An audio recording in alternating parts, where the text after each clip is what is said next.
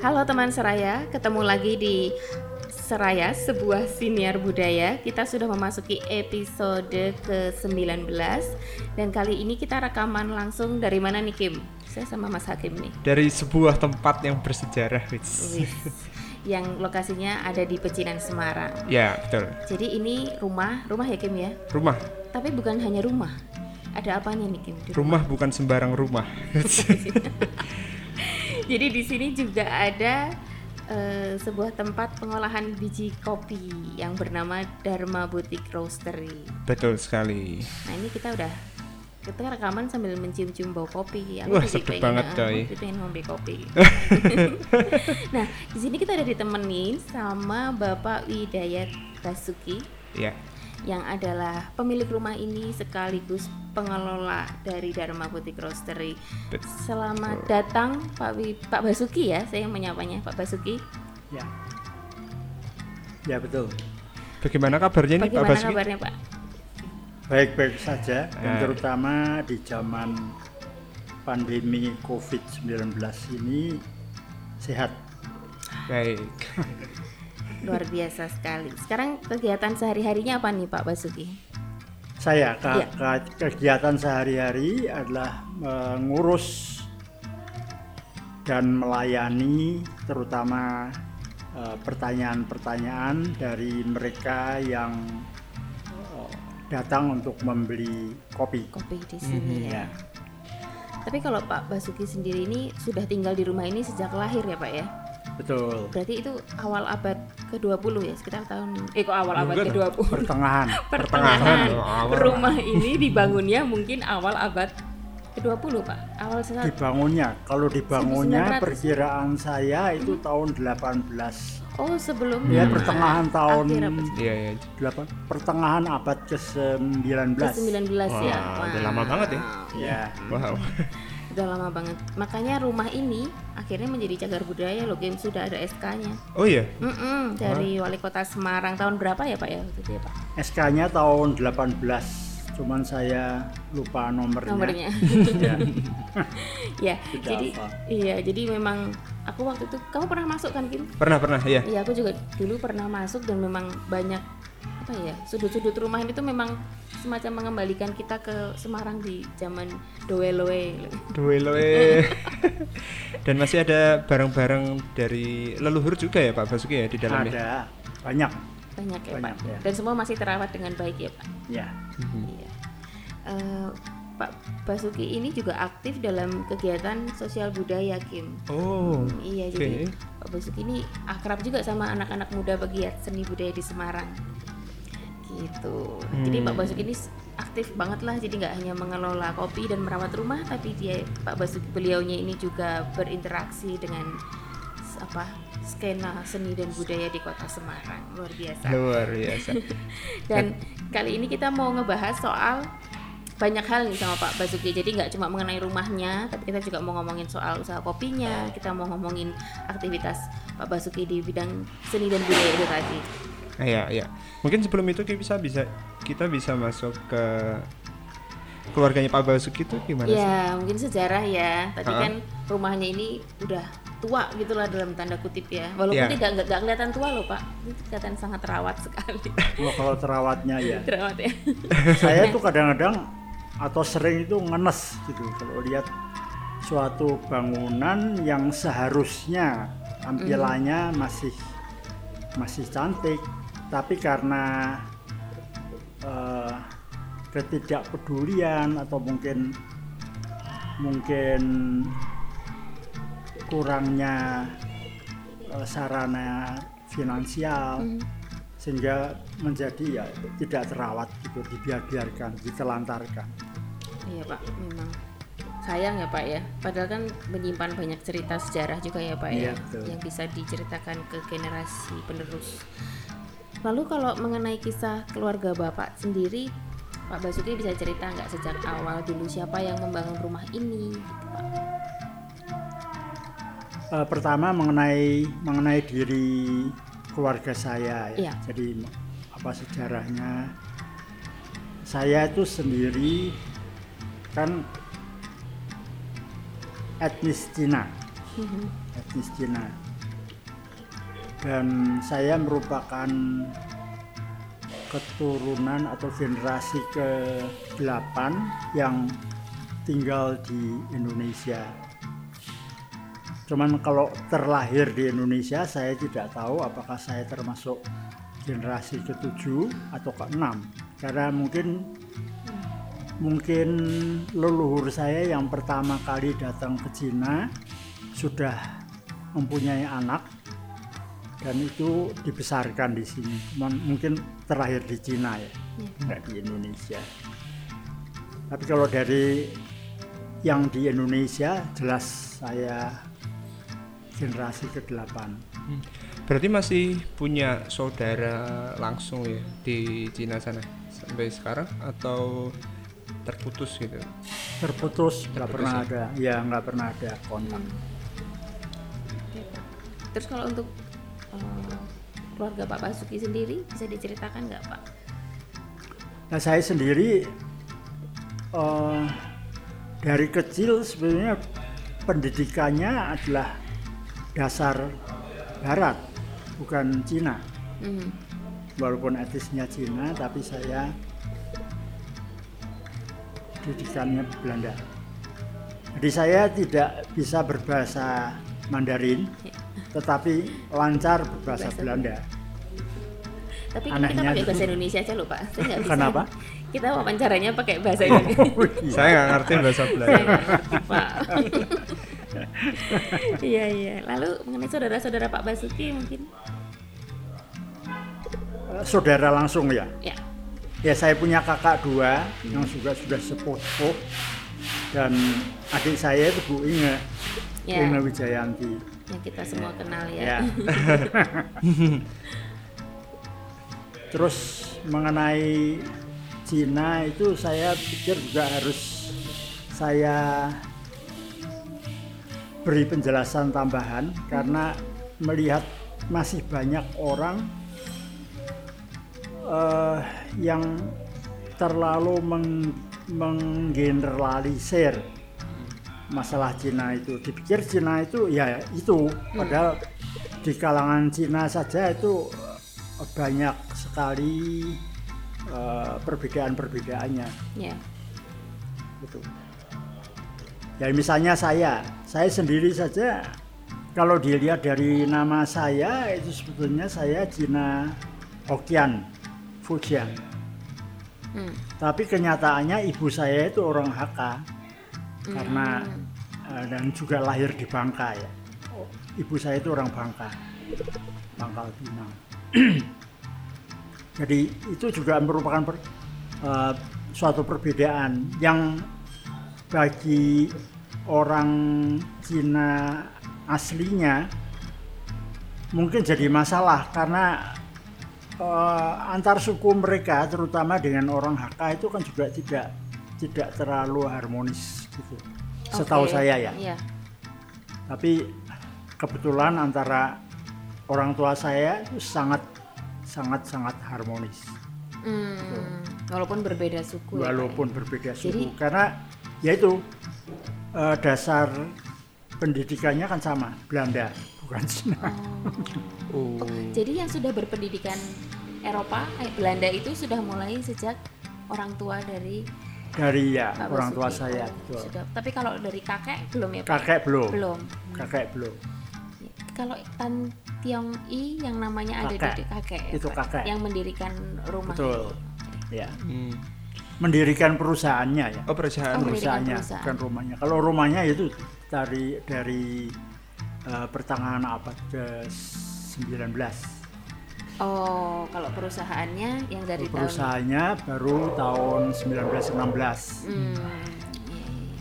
Kalau misalkan kita coba balik lagi ke rumah ya, Pak Basuki ya, sebagai orang yang tinggal dan lahir bahkan di sini, kalau menurut Pak Basuki apa sih yang sebenarnya unik gitu?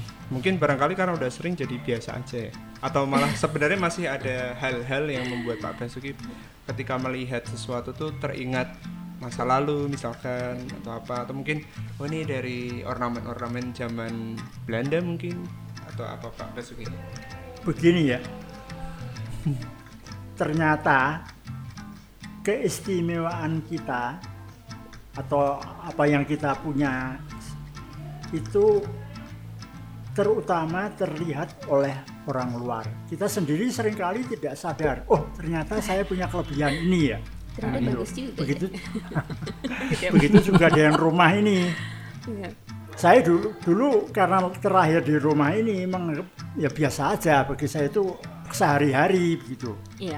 Nah, Sampai pada tahun 2005 barusan Mhm. saya tahu. Itu siapa Pak yang mau menyadarkan Pak Basuki? Ah, terutama Bu Widya itu tadi. Bu Widya Wijaya, Bu Widya Wijayanti. Iya, betul. Oh, iya, oh, iya. gitu. Baru saya sadar, oh ya ternyata ternyata orang luar tahu. tuh. kok saya kok saya malah nggak sadar. Iya, iya, iya, iya. Tapi sebenarnya apa Pak? Kan tadi Pak Basuki off the record sempat cerita kalau banyak orang yang juga berkunjung ke rumah, Rumah. ini cuma buat lihat-lihat. Oh, Tapi iya. dulu came sebelum pandemi. Ah, Sekarang ah. udah enggak ya Pak ya dibatasin Nggak, iya. banget ya. Nah itu apa Pak yang biasanya orang pengen tahu soal rumah ini Pak? Yang menurut mereka istimewa itu apa Pak? Ya akhirnya saya sendiri menggali ya, menggali. setelah setelah itu saya menggali apa sih sebetulnya yang Apa sih bagusnya rumahku ini? apa betul. Apa sih bagusnya rumah ini? Nah salah satu yang unik di rumah kami ini adalah eh, tempat penghormatan leluhur Hmm, yang yang dis- umumnya disebut kongpo kongpo ya. Kongpo. Kompo. Kongpo ya. itu nah di banyak rumah orang Cina itu ada kongpo ini Hmm, Tapi saya lihat sayangnya juga terjadi di kalangan famili saya bahwa kongpo itu dianggap sebagai sesuatu apa ya pemujaan berhala gimana gitu. Oh. Ya sehingga sehingga akhirnya dibuang. Dibuang atau diberikan ke orang. Hmm. kadang-kadang itu juga ada kan di dalam kongpo itu kan ada sincinya. Sinci itu eh, adalah prasasti-prasasti yang umumnya terbuat dari kayu yang memuat data atau biodata dari leluhur yang meninggal. Hmm. nama mereka, lahirnya di mana, Hmm. kapan, meninggalnya di mana, kapan, jam berapa, kemudian dimakamkan di mana, Hmm. itu ada di termuat di Sinci itu. itu bentuknya oh, meja apa? ya Pak ya? Oh, Bentuknya meja, tapi kepunyaan kami kan bukan meja, lemari ya sebenarnya. Oh, Oh, lemari. lemari kan, Ah. seperti lemari. Sebetulnya itu nggak dipakai untuk menyembah kok. Itu hanya untuk memperingati Menghormati. saja, memperingati atau mengingatkan kita Mengingat, ya. ya pada leluhur Iya, dan iya. jasa-jasa mereka. Hmm. Jadi sebetulnya kalau eh, orang Inggris mempunyai istilah yang lebih tepat ya untuk suatu kongpo. Mereka merebut itu bukan altar kan. Altar itu kepada Tuhan, untuk Tuhan, untuk menghormati dan menyembah Tuhan. Tapi kalau ini kan shrine. Menurut istilah Shrine, mereka itu shrine. iya. Shrine itu hanya ya monumen, Iya. sebetulnya, Oh, iya, monumen. Benar, iya. Monumen. Di rumah-rumah yang ada di Semarang sekarang nggak banyak ya Pak yang ada sincinya ini. Setahu saya enggak. Enggak ya? Ya. Bahkan di pecinan Langka. juga udah nggak banyak Pak. Enggak, enggak banyak.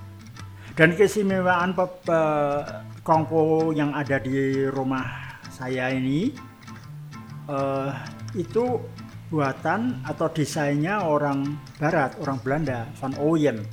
Oh. Sehingga desainnya juga merupakan suatu suatu campuran budaya antara Art Deco Hmm. pada waktu itu ya Hmm. dan Cina. Yang Cina. Jadi itu Cina yang dibelandakan atau Belanda, Belanda yang dicinakan. Iya.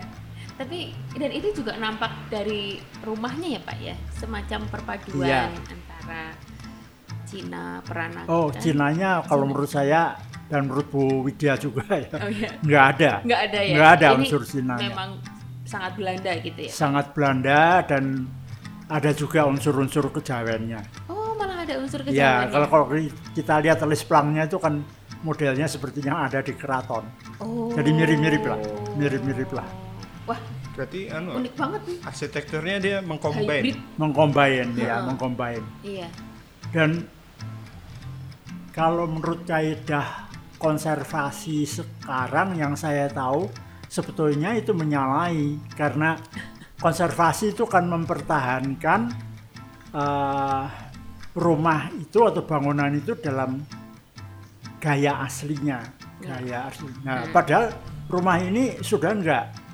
Oh. Sekarang ini kan kombinasi antara neoklasik yang Mm-mm. di bagian tingkat duanya ya Mm-mm. dan art deco di tingkat dasarnya, tingkat tingkat, dasarnya. bawah- tingkat bawahnya. Hmm. Itu eh, hasil dari renovasi atau memang dari awal bangunannya memang seperti itu, Pak? Renovasi. Oh, renovasi. Renovasi. Ta- tahun berapa itu, Ki? Renovasinya itu dilakukan oleh insinyur Lim Buansi atau arsitek Lim Buansi. Eh, Wow. yang mulai berkarya tahun 30. Hmm. Kebetulan Lim Buansi itu Ya. eh, kenal baik dengan kakek saya Wow. tahun 30. Mungkin bisa di saya kasih info juga Lim Guanci itu juga yang mendesain kantornya Kian Guan ya Pak ya, Betul. yang di Jalan Ya, Kepodang betul. punyanya Oh. Wei Yong Ham itu, Ya. yang Oh, sekarang oke. jadi kantornya RNI.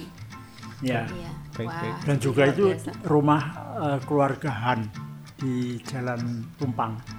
Oh. Itu juga Oh, iya, iya. desainnya.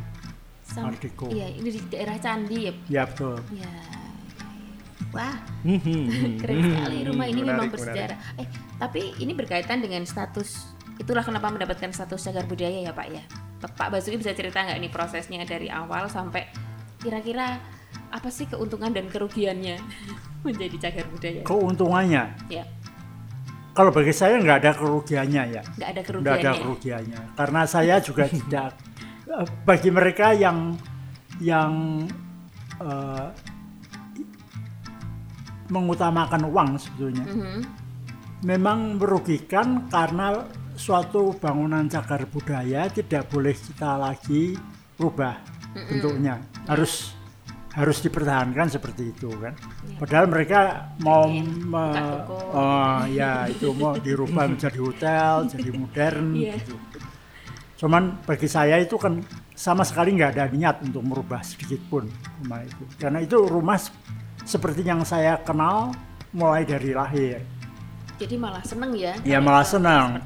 Jadi saya bagi saya itu suatu suatu apa ya kesenangan kenikmatan untuk melihat foto-foto lama Mhm. di rumah ini bahkan sebelum saya lahir dan saya masih tetap bisa melihat eh, bangunan itu yang ada di foto kuno itu Iya. seperti apa adanya sekarang Wow.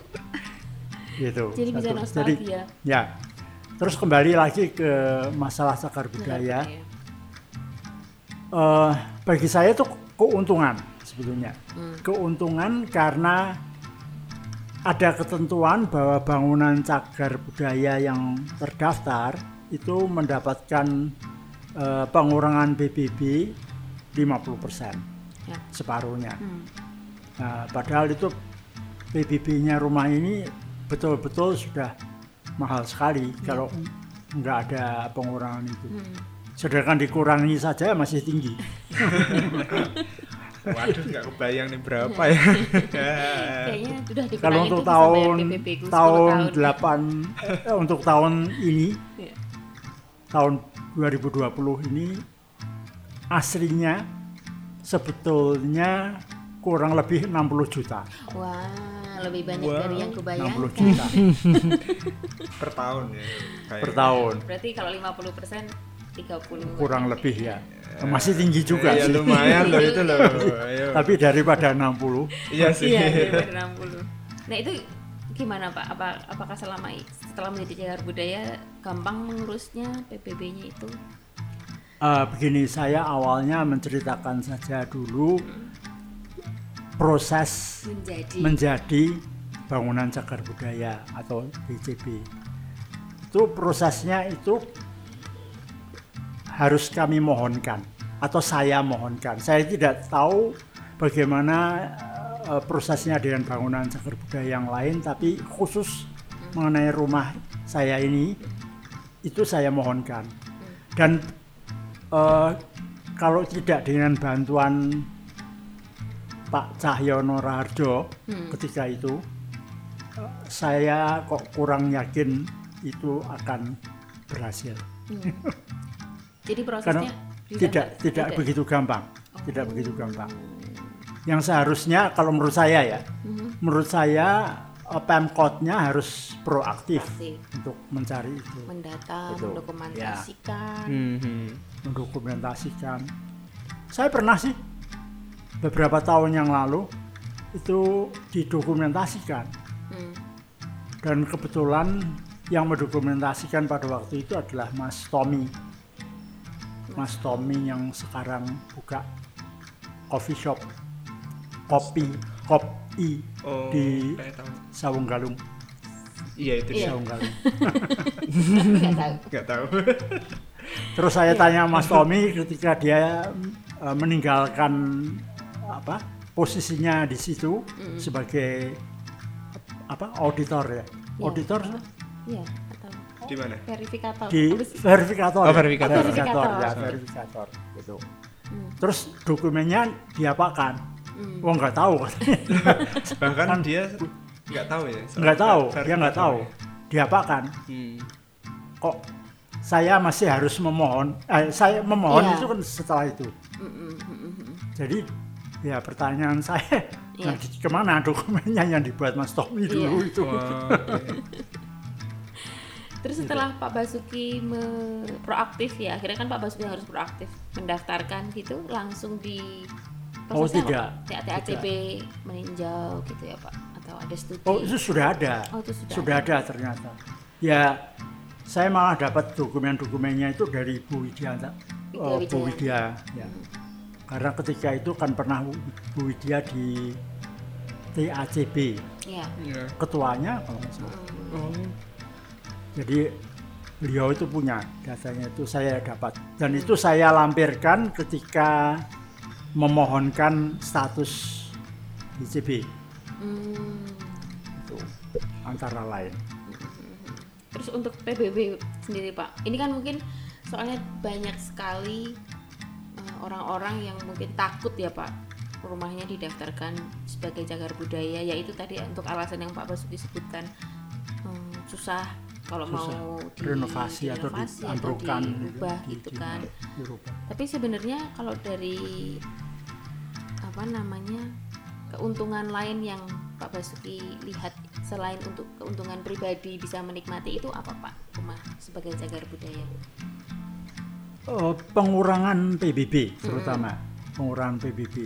Maka saya juga tidak tahu itu sengaja dimahalin dulu atau bagaimana. saya kurang tahu. Sehingga sehingga orang terpaksa ya, Iya. terpaksa mengajukan status sebagai eh, BCB. Oh, berarti itu tadi keuntungannya memang di PBB-nya itu tadi Ya, selain Hanya hanya pikiran akal saya saja. ya. kira nakal. Tapi selain itu ada lagi mungkin Pak? Hmm, selain PBB, Eh, tidak ada. Sedangkan PBB-nya saja itu harus saya mohonkan. oh oke. Oh, jadi itu nggak jadi otomatis ya Pak? enggak otomatis. Jadi dari situ kesimpulan saya bahwa eh, di sana masih di Pemkot. Ya. Hmm, Kesimpulan saya sebagai orang luar, maaf ya, ya. bahwa di sana tuh dia ada sistem mengenai itu. Jadi status BCB itu belum ter belum tersistem Hmm. di dalam eh, lingkungan Pemkot. Karena kalau tersistem itu saya tidak perlu tiap Mengajukan. tahun eh, meng- mengajukan permohonan Dan pengurangan tiap tahun ya Pak ya? tiap tahun tiap tahun Oh, sudah tiap tahun. iya jadi nggak otomatis itu Oh. kalau sistem kan Iya, otomatis langsung Iya. ya. Nah yang saya pertanyakan itu kenapa begitu? Karena ketika tahun lalu saya ajukan pengurangan, Ya. itu saya di dilempar ke dilempar ke Destaru, Dinas Tata Ruang. Ya, di- kantornya kan di sebelahnya. Hmm. Lalu Destaru mengatakan, loh, yang harus meminta eh, keterangan dari dari kami Destaru Mm-mm. itu kan bukan bapak, itu bukan haknya bapak sebenarnya untuk minta. Itu haknya bapenda. Hmm. Bapenda harus minta khusus untuk kasus bapak ini. Bukan bapak yang disuruh kemari. Loh, jadi Jadi simpang siur iya ya, ya? simpang siur gitu Hmm. simpang siur jadi, jadi ya itu kes- kesimpulan saya nggak ada sistem mengenai BCB Iya, kalau sistem kan o- otomatis. otomatis dan perorangan tidak bisa ikut campur-campur Campur, iya. karena itu sudah dibuat begitu aturannya sudah begitu Gitu. jadi masih menurut saya masih banyak yang harus dilakukan oleh Pemkot.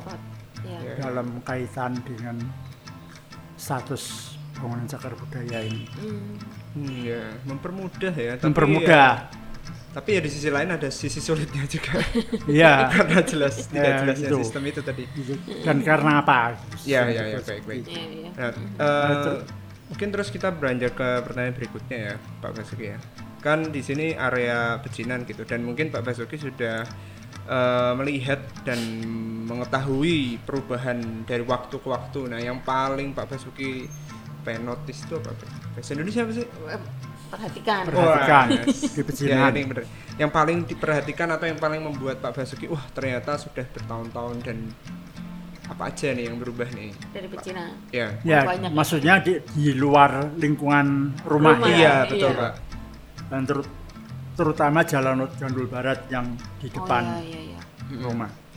Yang saya lihat belakangan ini ada peningkatan eh, dalam hal kuliner. Iya. Dulu kan sepi, nggak ada PKL yang menawarkan Ya. gitu ya. Oh mungkin bisa dijelaskan kali ya dulu itu seperti apa Pak? Sepinya itu maksudnya hanya toko-toko, terus hanya orang lewat atau bagaimana? Sedangkan di tetangga di depan itu nggak ada yang jual makanan.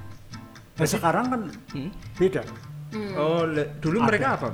Jual Rumah, Oh rumah. rumah, Oh terutama rumah, bukan ruko ya? Belum Bukan. ya? Belum ya? bukan. Rumah. Rumah tinggal. Rumah Rumah tinggal. tinggal, Hmm. rumah tinggal. Hmm.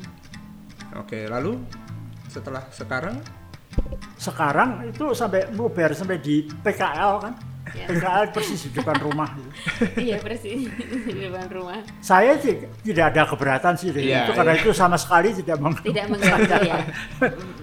Paling-paling yang yang yang terganggu mungkin mereka yang ingin parkir Iya, gitu Oh ya. betul. Iya. Iya iya. Tapi kalau saya nggak terganggu sama sekali.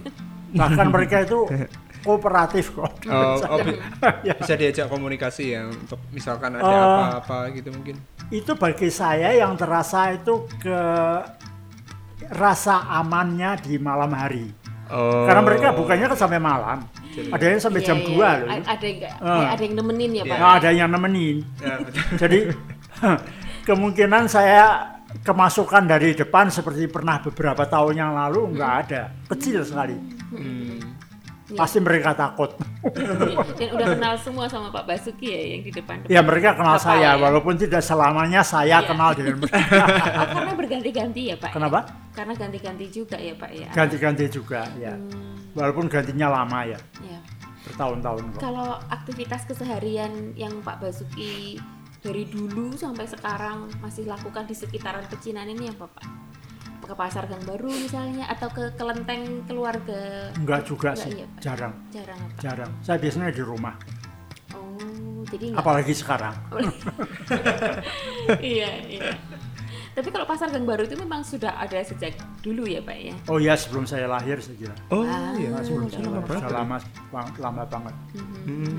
Ya itu semakin rame ya mungkin itu juga yang berubah ya Pak. Dulu kan nggak banyak truk-truk gitu ya yang loading. dulu nggak banyak truk ya dan mengenai gang baru ini ada sesuatu yang Wah, yang bagi orang luar ya Iya. oh, terutama orang orang Singapura Mhm. misalnya itu dia merasa aneh loh ini pasarnya kan di pecinan Hmm. juga banyak menawarkan hal-hal atau uh, komoditi yang khusus Cina kan gitu.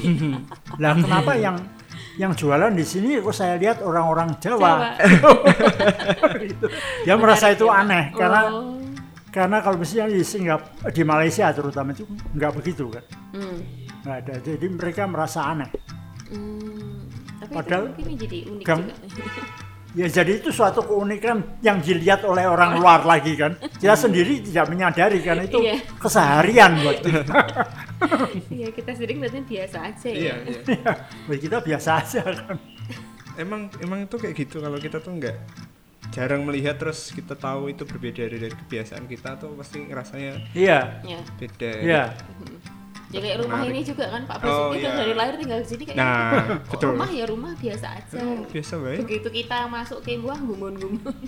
Jadi sebetulnya kita tuh jangan em, me- merubah atau membangun sesuatu menurut persepsi kita. Jadi inside out thinking.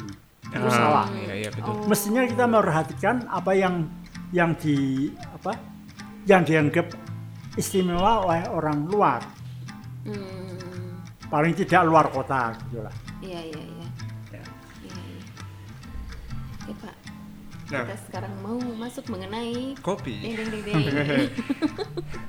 ya mungkin eh, bisa di sedikit diceritakan ya mulai dari kapan sih eh, mungkin dari Pak Basuki dulu ya mulai kapan mulai mengurus dan mengerjakan Dharma. Budi. Roastery gimana Pak Basuki Saya secara boleh dikata resminya mengurus kopi ini sejak lulus dari Undip. oh dulu undip? Undip. oh sama saya undip juga Pak. Wah, Apa itu? hukum saya Pak. Oh, oh ya, Pak Basuki apa Pak? Ya hukum. Oh, Tahun Senior saya lulusnya tahun 75. waduh saya 2014 Pak iya iya. Ya. Nah, lalu setelah itu Setelah lulus kuliah? Eh, setelah lulus kuliah, saya langsung ditarik oleh ayah saya Hmm. untuk mengurus kopi ini. Jadi pertama itu sebetulnya nggak ada passion ya. Hmm. Passion cuman ya begitu aja lah. Hmm. Karena nasib. mungkin karena terbiasa dihidupi dari kopi ini juga ya saya dari kecil Iya, betul. eh, Iya, betul. hari melihat Iya betul. eh, Ya jadi itu juga lagi inside out thinking. inside out aja. thinking. Dan ketika itu, ketika saya mulai itu kopi juga bukan Oh, seperti sekarang. belum belum menjadi ba- bagian dari budaya populer. Betul. Oh, iya, betul. betul. betul. Yang minum Itu. masih bapak-bapak gitu loh. Oh, ya waktu itu hanya komoditi itu Oh. aja. Iya. Komoditas, Hmm. bukan kalau sekarang kan bukan komoditas ya. Sekarang tren. Sekarang tren, Tren. tren. Jadi eh, tren hidup. Ah, Jadi iya. kaitan dengan yaitu lifestyle. lifestyle lifestyle. Kalau dulu kan enggak. Mm-mm. Orang minum kopi ya karena minum kopi. Kok minuman gitu aja. Oh iya iya tombol ngantuk Tombongan tuh. Sekarang kan enggak. Iya. nah terus kema- eh, dulu waktu me- pertama kali memulainya seperti apa Pak Ya biasa aja. Saya masih meng- mengikuti pola yang yang tradisional. Jadi kita waktu itu juga masih sampai lama itu jual kopi bubuk, terutama kopi Hmm. bubuk. Jadi belum meng- menggiling dan Belum, memanggang sendiri. belum. Memanggang sih memanggang Oh, sendiri. sendiri. Cuman waktu itu eh, setelah dipanggang pasti digiling terus dijadikan bubuk. Jadi nggak jual biji. Nggak jual Bijian. biji, Hmm. nggak Oh. jual. Ada sih jual biji tapi jarang. alat alat giling kopi belum populer Mbak Ami Oh belum ya? mungkin Di kalangan umum ya. iya maksudnya di kalangan umum. umum Iya Oh, betul. jadi kan lebih betul. gampang bubuk tinggal Iya bubuk. betul. Iya Ah, betul. Dan orang orang juga tidak mengerti, belum Iya. tahu bahwa Oh, iya. beda antara menggiling langsung, hmm. minum langsung, dan beli sudah dalam bentuk bubuk. Bubuk, iya betul Orang belum ngerti. dan belum mungkin belum banyak yang tahu bedanya rasa rasanya gitu Betul, ya. Nggak ada juga sih. oh enggak deh Hanya kopinya itu hanya robusta dan arabica yang disediakan oleh yang sekarang PTP. oh iya iya iya Hanya itu saja. Hmm.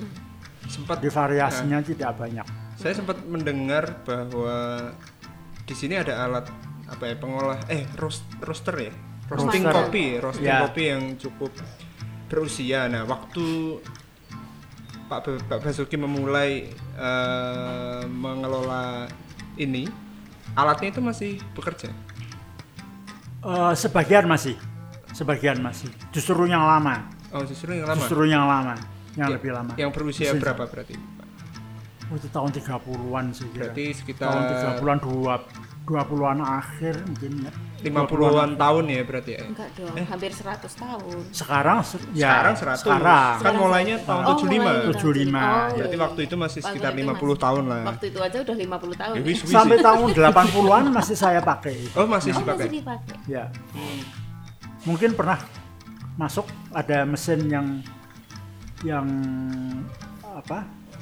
Wadah sangrainya itu Hmm. bundar seperti bola. Eh, kebetulan saya belum pernah Pak. Oh, Nanti ada ya. gambarnya juga. Oh, Ada gambarnya. ada Gambarnya, gambarnya. Oke. ya, Pak.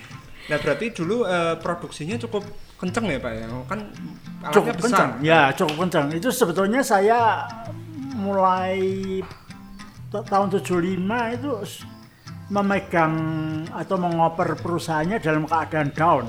Oh. Karena majunya itu ketika masih dipegang kakek. Jadi sebelum perang. Sebelum Belum perang. Sebelum perang. Berarti tahun Perang berapa? itu tahun 42 ya. Iya, Oh iya, Perang oh perang dunia kedua. Ya. iya. Nah, setelah perang dia tuh tidak pernah up down terus. Hmm, Oh apa zaman kakek dulu sampai impor impor eh Ekspor. ekspor Ekspor. salah. Ekspor, ya betul. Ya.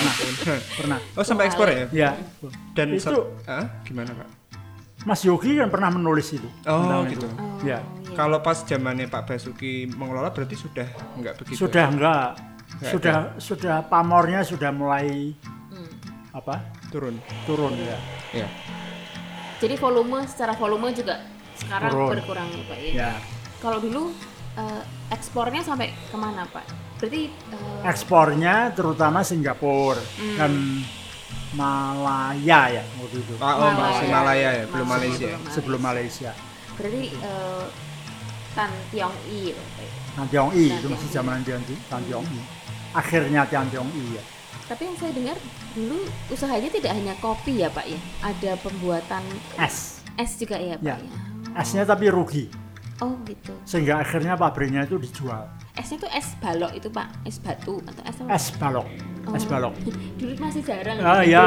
Orang belum bisa bikin es batu Es sendiri. batu seperti yang sekarang itu di kulkas. bikin. Jarang. Oh es balok yang di ini pakai gerobak gitu. Iya Iya. betul. Oh.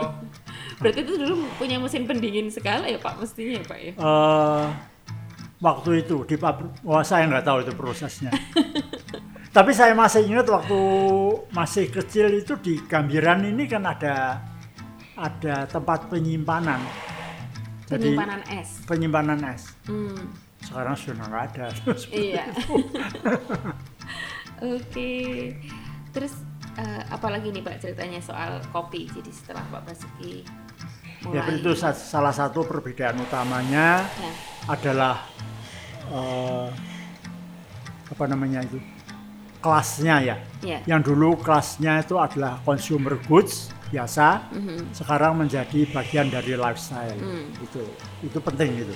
Hmm. Eh, Kalau sekarang namanya Dharma Butik Roastery, Pak. Ini memang dari awal namanya Dharma Butik Roastery atau dulu ketika zaman kakek? Ketika itu ada semacam tuntutan ya, karena saya juga melihat bahwa karena perubahan zaman itu dan perubahan cara kita menjual kan, Hmm. itu tidak cocok lagi untuk memakai ma- nama yang lama. Untuk memakai nama Nama lama apa Pak Nama lama. namanya pertama? nama lama itu yang Bona Fortuna itu. Oh Bonahorto. Nah. Hmm. Jadi saya mulai berusaha untuk merubah karena dulu dulu kan secara jualnya kan seperti yang tadi saya katakan kan lain. Ya. Dulu kan bubuk, sekarang kan biji Ya. gitu. Jadi saya juga merubah total image-nya orang Hmm. bahwa kita tuh adalah roastery, Ya. bukan mill, bukan bukan Ya. penggilingan. Bukan penggilingan. Gitu. Hmm. Bukan penggilingan kopi tetapi Hmm. penggorengan kopi, Hmm. penyangraian. Penyangraian Ya. kopi. dan itu juga untuk me- mengedukasi konsumen-konsumen baru bahwa sebaiknya beli itu kopi dalam bentuk masih biji sangrai jangan bubuk Kalau je- dulu jenis kopi apa ya Pak yang diolah di sini dan dijual? Terutama robusta. Robusta ya. Robu- Robusta. Robusta. Dari Sampai mana? sekarang masih sih. Dari mana aja Pak itu dari seluruh Indonesia atau Bukan. Kalau robusta itu kan mempunyai suatu aroma dan rasa yang boleh bilang seragam. Oh, Oke. Jadi apakah kita beli robusta dari Lampung, dari Sumatera, apa dari dari NTT Heeh. atau dari Jawa Tengah, Mm-mm. itu umumnya rasanya dan aromanya seragam. Sama. Ya. Seragam. Beda dengan Arabica. Arabica yang bibitnya sama ditanam di tempat yang berbeda itu bisa menghasilkan aroma dan rasa yang berbeda juga. Apakah Pak Basuki juga apa namanya eh, menjual kopi di Dharma ini ke coffee shop coffee shop di Semarang Eh, ya, mereka datang sendiri datang sendiri Iya, ya, mereka dan datang memilih sendiri. kopi Iya. sendiri gitu ya Pak ya. dan sekarang juga dengan eh, adanya internet saya juga mendapatkan penawaran green bee-nya dari luar Semarang.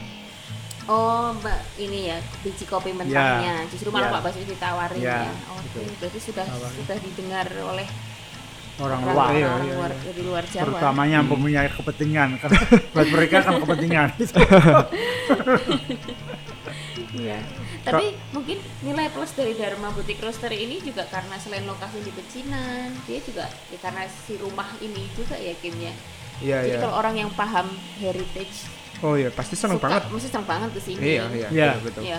ya jadi ya betul jadi sebetulnya setiap kafe setiap apa usaha kop, perkopian itu memiliki ciri-cirinya sendiri Hmm. Nah, tinggal pemiliknya aja yang bisa menggali keistimewaannya masing-masing. Oh, keunikannya gitu ya. Value, Value-nya Value, apa? value. Betul, betul. Nah, value-nya itu belum tentu di kopinya. Ya. Kopinya Oh. bisa sama, tetapi kenapa kok kafe tertentu bisa lebih laku Ya. dari tetangganya, Hmm, gitu. hmm, Atau dua-dua sama lakunya, Hmm. karena apa? Itu karena segmentasi apa, apa Apa ya? Bro? Pasar. pasar. customer mereka. ya. Iya, oh, customer berarti memang mereka itu tergantung- beda. Tergantung dari manajemennya Ya, mereka. tergantung juga ya. dari manajemennya itu. Jadi itu perlu juga yang seperti tadi saya katakan itu eh, out outside in thinking. Jadi Hmm. bagaimana kita berpikir seperti, Seperti konsumen oh, kita. konsumen kita. Jangan jangan memakai memak- menilai diri kita menurut kita. Diri kita. Ya itu Itu bahaya pak. Itu bahaya itu. Bahaya. Betul, itu bahaya. Tersesat nanti. Kita bisa tersesat. Balik lagi ke mungkin tentang kopi ya. Kalau dulu ketika belum eh, beberapa tahun memulai disalurkan olahan biji kopinya itu ke mana pak? Menyalurkan Dulu Iya.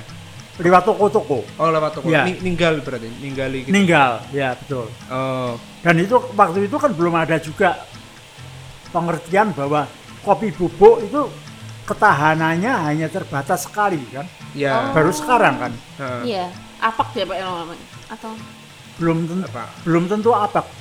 Apak itu biasanya sudah lama sekali hmm, gitu. Tapi sebelum itu kan sudah berubah. Aroma Aromanya aslinya berubah. sudah iya, Oke. bukan bukan cuma berkurang, berubah, Berubah ya malah. Berubah. Berubah. berubah. Dan itu berpengaruh ke rasa juga ya. Berpengaruh ke rasa Hmm. juga. Walaupun kafeinnya, kadar kafeinnya sama Oh. gitu.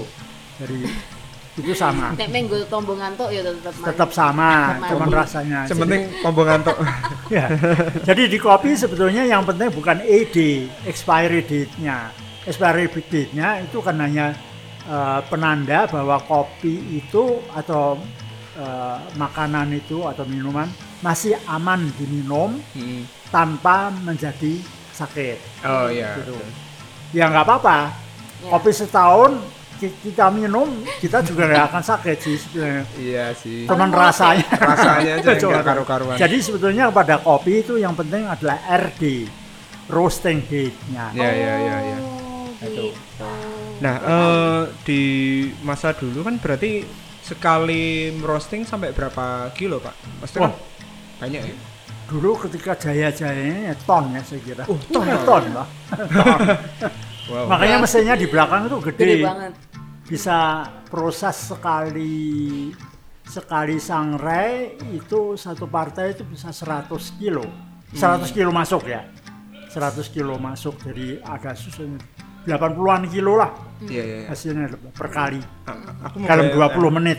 Oh oh se- prosesnya 20 menit. Oh, 100 20 menit. kilo itu 20 menit. 20 menit. Wow. Ya proses karena itu pakai gas. Oh Gas kota oh dan Gas kota. Gas kota tuh berarti yang pakai pipa, itu pipa ya. Pakai pipa. iya. Oh ya. dan gasnya bukan LPG ya. Oh, itu sorry. dari batu bara. Dari batu bara. Batu bara. Oke. Aku membayangkan jadi Pak Basuki agak bosan yang lihat kopi ya. Setiap Hmm. hari kopi, aromanya kopi. terus. Masih minum kopi Pak Basuki? Oh, harus. Oh, Harus iya. ya? Oh, masih. Belum Bercanda bosan. tadi. kalau kalau belum nanti Iya. Oh, siap. Siapa? Nah berarti kalau zamannya Pak Basuki menge- mengelola ini sudah nggak sampai satu ton lagi berarti ya? Nah, perharinya sekarang. Enggak, Oh. eh, sekitar 80-an. Oh, sudah enggak? Sudah Sudah enggak. enggak? Oh, Sudah enggak? enggak. Sudah enggak? Berapa Sudah Pak? berkurang. Kalau sekitar tahun 80-an itu? 80-an. Iya, itu mulai 80 saya atau 90 mungkin. sekali sangrai dengan mesin yang itu berapa puluh kilo ya? 40? Kira-kira 40, 40, ya. 40. Hmm, Itu dan itu langsung dipasarkan ke di toko-toko itu tadi. Langsung. Tidak begitu lama sih. Ya Oh, beberapa hari beberapa tapi hari. ah, jadi saya juga tidak roasting tiap hari. Oh. Beberapa hari. Tapi seminggu ya ada lah kalau dua kali. Hmm. Gitu. Ada kiat-kiat dan cara-caranya sendiri untuk roasting. Wah, itu. Beda lagi. Ini bisa panjang ya Kim ceritanya. Wah, panjang banget nih. Jadi workshop nanti Jadi bukan, bukan wawancara. Semoga kita tidak disuruh bayar. workshop. Loh, sudah banyak loh yang minta. Oh, sudah banyak. sudah banyak yang minta. Workshopnya itu. Itu bisa jadiin satu paket kali Pak. Nanti ada orang ke sini beli kopi, melihat rumah, workshop dulu. Oh, iya, ada sih, ada, ada. Ini teman-temannya juga. Iya. Mbak Ulin itu loh. Wah, ya. Mbak Ulin sudah ada. Ada. Wah, oh, wah ini nyambung sama pertanyaan berikutnya. Wah, bener ini. Mm, Pak Basuki ini walaupun sudah senior, eh, tapi akrab sama anak-anak muda di Semarang. Pak Basuki mungkin bisa cerita sedikit Pak, apakah ini mungkin sudah menjadi semacam tradisi keluarga secara turun-temurun untuk apa ya anak-anak terlibat dalam kegiatan sosial budaya? Karena kalau kita ngelihat Bu Inge misalnya kan juga sangat dekat sekali dengan kegiatan-kegiatan budaya. Nah ini sepertinya kok jadi seperti yang Pak Basuki bilang tadi or- orang tuh kalau ngelihat orang Cina tuh ke sana cuma ya orang Cina tuh gitu mungkin bisnis tok gitu. Wah. Tapi tapi kan enggak dimensinya banyak gitu loh Iya, nggak semuanya begitu lah. semuanya begitu gitu nah ini Basuki bisa cerita Pak Ya, pertama mungkin karena latar belakang pendidikan keluarga Ya. dan Hmm. sekolah kami ya seperti itu, itu barat. itu satu. Jadi tidak tidak terlalu mengutamakan uang oh itu Itu memang berarti semacam pendidikan dari keluarga. dari keluarga itu Oh. pengaruh. yang Dari lebih ke keluarga. arah barat itu tadi ya, Pak? Ya. Jadi ayah saya juga pecinta seni sih sebenarnya. Wah. Oh, oke. Iya. Ya, otodidak. Apa Pak? Pemain musik atau apa dulu? Setahu saya itu terutama di sketching, Oh, sketching. sketching, sketching. Foto suka juga. Fotografi ya. Fotografi. Hmm. Terus eh, gamelan, Oh, Penggemar gamelan. Mau Iya. penggemar. penggemar gamelan, Hmm. sangat. Mhm, mhm. Lalu dia bisa main ini loh, gitar, Wah. gitar, mandolin. Tanpa belajar itu juga otodidak. Dan memang dari kecil anak-anak sudah melihat eh, orang tuanya seperti itu, terus terpengaruh gitu ya Pak ya. ya mungkin juga ada bakatnya. ya. Anda Pak. Anak saya kan memang lulusan di kafe. Oh, Oh, kalau anak gitu. Pak Basuki juga ya, lulusan di kafe. dan eh, apa ada kursus manga. Ah, Oh. oh, akhirnya dia bisa gambar juga ya berarti ya. iya. Kalau Pak Basuki sendiri keterlibatannya sama anak-anak muda di Semarang ini sebenarnya karena apa Pak? Karena memang Pak Basuki tertarik atau Iya sebetulnya kalau kita pikir nggak sengaja juga ya itu karena kopi ya. oh, karena ma- kopi mayoritas mayoritas customer saya itu anak, muda. Oh, Berarti bisa dibilang semenjak tren ya, Semenjak tren. mulai ya. banyak yang ya, akhirnya ya, tahu. betul.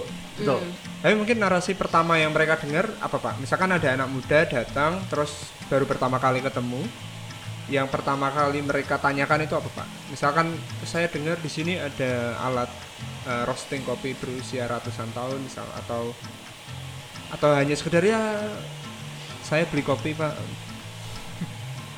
Ini kalau saya lihat beda dengan dulu ya. Oh gimana? beda itu? dengan dulu. Gimana? Kalau dulu customer itu kan hanya beli kopi tok Ah.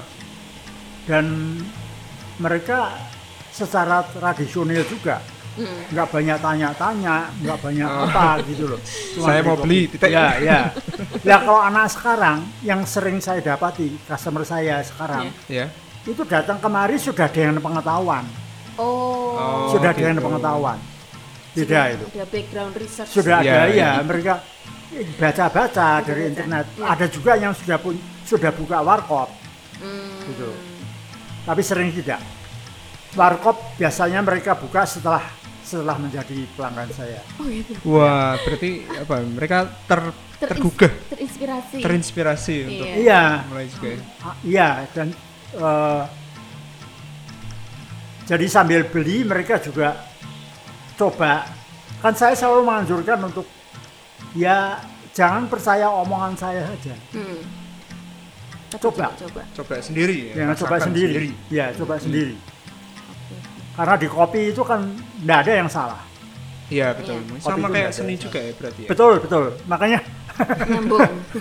makanya nyambung Iya betul betul. jadi Selera. kop- kopi seni dan itu apa namanya tadi Apa? Mana? anak muda itu Oh ya anak itu- muda itu ya ya. satu Satu ya? satu Iya. Oke. Dan saya juga melihat itu kan bicara meneruskan tentang seni itu tadi Iya. saya terutama memperhatikan atau perhatian terhadap seni terutama belakangan ini karena juga dari customer saya sering saya lihat orang seni itu orang seni itu inklusif Hmm. inklusif Iya, jadi menerima semua. Ya, pertama mereka berani menampilkan pribadi mereka, karya mereka, mereka bangga akan itu, Hmm. ya, tanpa takut dicela atau bagaimana. Tetapi sebaliknya, orang seni itu juga menghargai Orang seni lain. orang lain, Iya. seninya orang lain hasilnya. Hmm. Dia akan berusaha melihat titik baiknya Hmm. dari dari hasilnya orang Hmm. orang lain, karyanya orang lain. Itu. Dia akan berusaha untuk tahu Hmm. Dan Nah, itu, itu- juga yang membuat Pak Basuki merasa nyaman di lingkungan orang-orang seni, Pak ya. Ya, karena saya sangat eh, apa namanya, sangat mempromosikan dan mendukung inklusivitas. Pak, benar benar benar. Kan konon katanya Iya. kalau inklusivitas dan orang Semarang itu satu, Satu ya. Iya. sudah dari lama. Sudah menjadi semacam ciri itu. Iya. Ya, ke- ke- kedua itu yang juga mengangkut me- menyangkut eh, itu tadi seni, yaitu bangunan. Oh iya betul. Ya dari arsitektur. Saya saya suka sekali. Hmm. Saya suka sekali pada bangunan-bangunan bersejarah. Oh, itu setelah Bapak menyadari bahwa Iya. lagi Iya. lagi penyadaran oleh pihak. penyadaran ya, Pak. Betul. Iya iya, tapi itu menarik ya sebenarnya karena apa namanya? Sepertinya memang satu hal tidak terlepas dari yang lain gitu. di Satu hal tidak terlepasnya Pak dari yang gitu, lain. saling berkaitan gitu. Nah tapi kalau di bidang seni di Semarang sendiri Pak dan anak muda, menurut Pak Basuki eh, apa sih yang masih bisa dikembangkan gitu? Mungkin Pak Basuki bisa melihat Konsistensinya aja. Ya. Karena saya lihat kok sering angin-anginan ya. kita juga sering angin-angin Sama. Butuh angin. Kali ini Ya. senang terus tiba-tiba Bosen. bosen Hmm. gitu. bukannya itu dikembangkan tapi ditinggalkan Oh, maksudnya bukan dikembangkan untuk bagaimana itu biar bisa menyenangkan Iya, lagi ya. iya. Mengelola kebosanan. Ah. mengelola kebosanan. Bosan Ini- itu ini- pasti. Podcast ini Bosan itu cara pasti. kita mengelola kebosan. Betul. Karena seni kan juga dinamis kan, Iya, iya. Iya. iya. dinamis. Apa bisa kita pikirkan? Oh ini bisa dibeginikan, ini dikembangkan. Hmm. Ya masih kurang lah kalau di Semarang. itu. Oh gitu pak. Kalau Saya- Pak saya- Bapak Basuki lihat di kota lain atau tempat lain lebih maju. Nggak tahu saya. Oh nggak tahu. Nggak tahu. Tapi yang dirasakan Pak Basuki di Ya. Semarang ini memang, iya. Tidak ada konsistensi, tidak ada konsistensi. Hmm. Bosenan ditinggal, bukan dikembangkan. Kalau yang Pak Basuki lihat selama ini yang pernah ditemui, maksudnya itu bosennya itu gimana? Misalnya buka warkop terus bubar gitu atau gimana? Kalau buka warkop itu tidak hanya karena itu ya. Oh iya. Eh, Terutama sekarang di eh, masa pandemi seperti ini. Mm-mm. itu tentu juga karena ya mau tidak mau kita harus berpaling pada uang juga Oh iya, ya, Iya. untuk kebutuhan hidup ya. ya itu kan Oh. untuk kebijakan ya betul Hmm. Ya kalau tadi mungkin lebih ke anak-anak muda di Semarang yang berkesenian.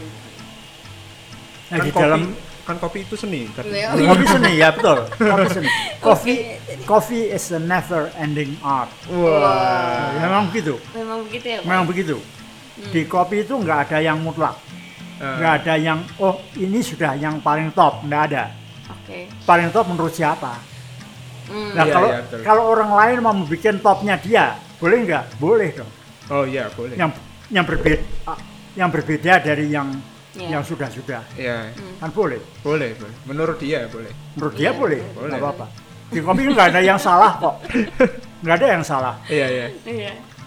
Kalau ini ini jadi pahit kalau seperti ini nah orangnya memang suka, Suka pahit pahit. Iya, mau iya. diapain Nah, mungkin nggak ada yang salah tapi. ya nggak ada yang salah Nggak ada, betul. cuman kita harus tahu kalau begini jadi pahit kalau begini tidak pahit gitu loh jadi kalau kebetulan orangnya suka pahit ya lakukan yang yang menyebarkan Kan iya itu pahit. iya yang pahit Oh, apa? Kalau saya aku suka yang asam, aku suka yang ada rasa asam asam. Arabica. Arabica. Arabica Arabica yang disangret tepat Oh, ada pak di sini. Wah, langsung langsung nembung.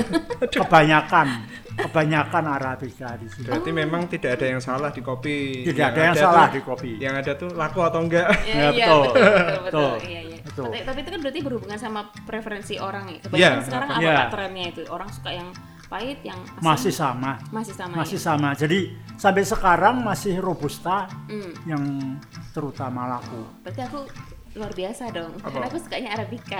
semakin banyak juga sih oh, sorry ya.